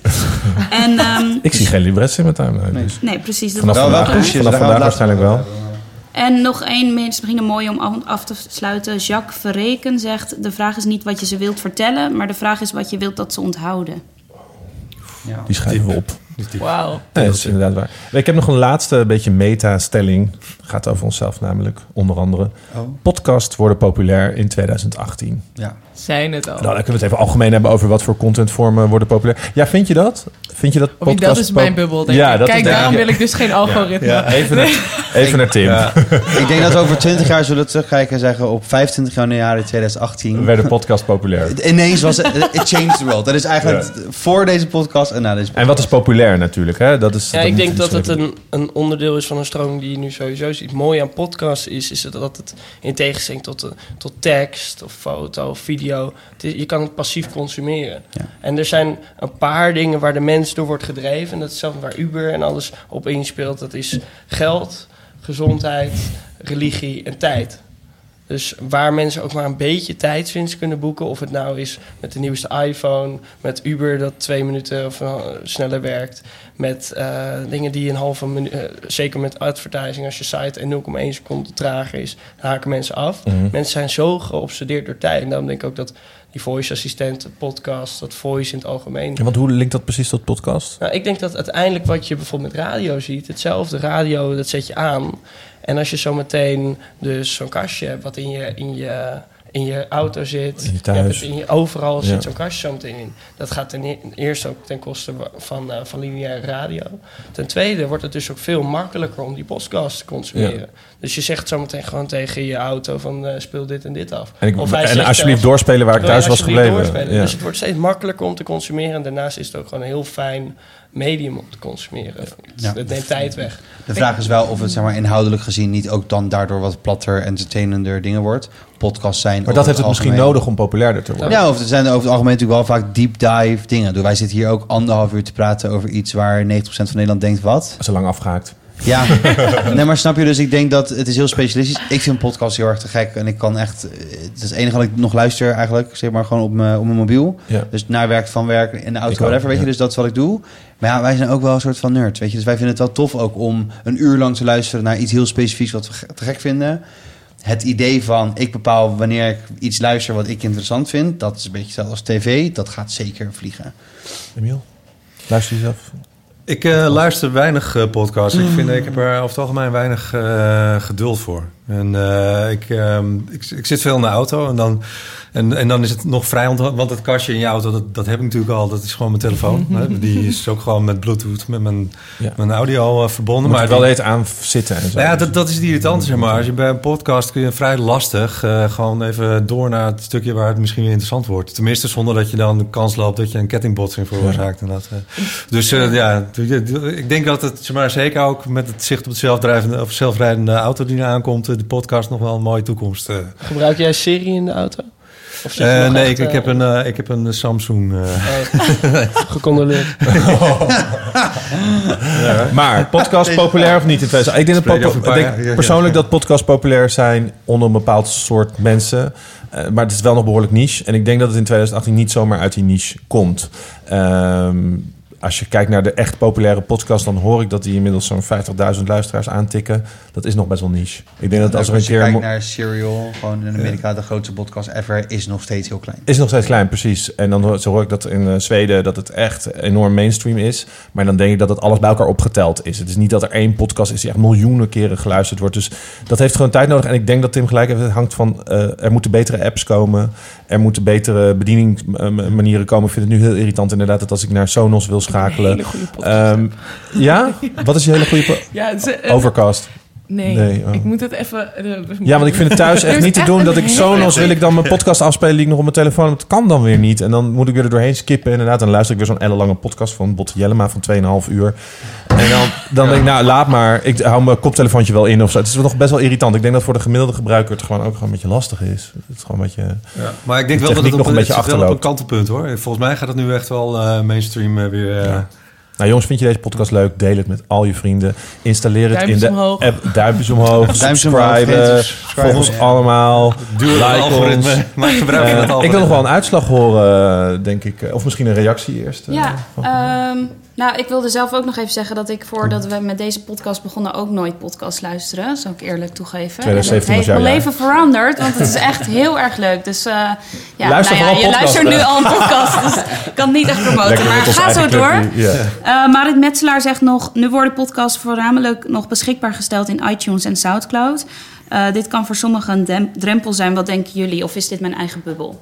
Nee, dat is denk ik een beetje het probleem. Spotify heeft gelukkig eh, ook is behoorlijk podcast aan het pushen. Ik denk dat als Spotify zeg maar naast eh Netherlands top 100 of hoe heet het top 50 eh, en eh, je gewoon in je browserscherm daar podcast gaat pushen, dat gaat ook enorm helpen, denk Ja. ik. Als daar maar goed, dan nog steeds moeten mensen wel gewoon... terwijl ze eigenlijk Ariana Grande willen luisteren... anderhalf uur willen luisteren naar spotvogels. Weet je, dus het is wel... Je moet wel de content moet er wel aangepast worden aan het gebruiksmoment. Maar dan Ja. is het inderdaad... Het moet gewoon beter verspreid zijn. Ik denk dat er ook een enorme toename komt in mensen die audio-content maken. En of Ja. dat nou een podcast is van anderhalf uur, dat kan ook vijf minuten zijn hoe iemand uitlegt hoe je een ei bakt. Ja, ik wacht nog een beetje op het moment dat, dat een type à la Monica Geuze of Enzo Knol gewoon zegt... hoi, ik ga even een paar keer eh, podcasten. Want dan gaat er zo'n grote stroom aan Ja. jonge gebruikers komen. Want ik kan me niet voorstellen dat ze denken... nou, dat sla ik even over. Of als Ronnie Flex zegt, weet je... ik ga gewoon een paar keer over... Nou, niet meer over marihuana... maar over gewoon een ander onderwerp wat me interesseert praten. Kijk maar naar de podcast van, eh van en J... eh, die al heel populair is... omdat ze de me- juist de relevante mensen uitnodigen. En dan denk ik dat er echt een mega stroom aan, aan mensen... Het is ook gewoon dat mensen... het moet nog even op gang komen. Maar of 2018 het jaar is... Ik zeg nee. Sorry, dat klinkt misschien een beetje raar, Ik maar ik denk echt qua ik zeg populair, breed, populair nee. zeg ik nee. Ik ben ook om. Ik denk dat het een ik eh, hoop langere het. periode Ik hoop het zo. Duurt nog heel Ik even. hoop het ook zo, maar... Moeten allemaal geduld hebben, jongens. We gaan allemaal door. Ik zeg wel een ja. Ik, Oh. eh, Ja? Voor mij, Oh, ja, 2018. We hebben nog elf maanden. dit, eh, dit gaat hier Oh. omhoog. Dus van de mensen die gestemd hebben, eh, waren er voor deze poll eh, bijna 3000. Deze stelling. eh podcasts worden populair in 2018. 43% eens en 57% oneens. Hoeveel mensen, of heb je dat al gezegd... hebben überhaupt in totaal op de polls gestemd die we gedaan hebben? In totaal hebben we bijna 24.000 stemmen binnengekregen. Hopsa. Lekker bezig. Ja. Volg je ons nog niet op Instagram? We hebben vandaag een nieuwe handle. Jasper weet hem uit zijn hoofd. De best. Sorry? Onze nieuwe handle op Instagram. Oh, voor als je ook volgende keer wil stemmen. De best social media NL. Hoppa. Zo. Nou, dat was het. Nou, Wat vonden jullie ervan? leuk. Top. Wat vonden jullie ervan? Ja, Ja, wat vonden jullie ervan? Kato? Vonden mensen Ik, dit... eh, eh, mensen vonden het leuk, ja. Denk je?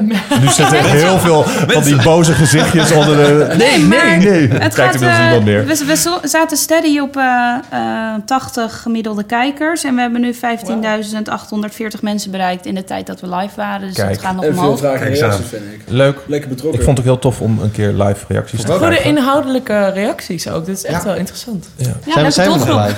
We zijn nog live, ja. We gaan, nu, we hebben gaan nu mensen naar het, eh, prangende emotio- vragen we gaan naar het emotionele afsluitmomentje. Ehm daar komt hij.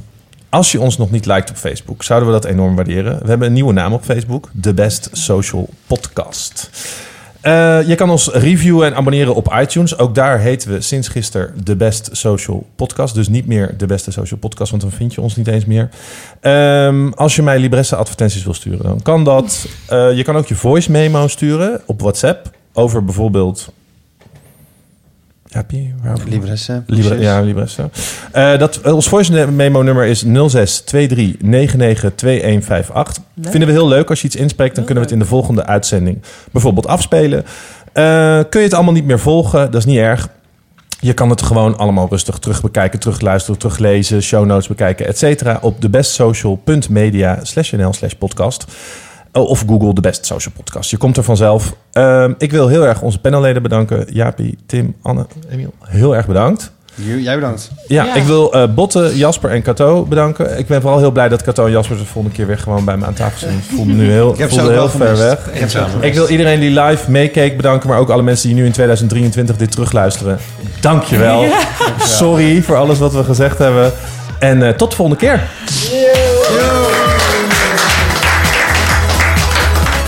Deze podcast wordt mede mogelijk gemaakt door Cousteau, marktleider in social media monitoring, webcare en publishing software. Wij gebruiken Cousteau om de parels en viral content op social media te vinden voor ons blog De Beste Social Media. Wil je meer weten over Cousteau? Ga naar www.cousteau.com.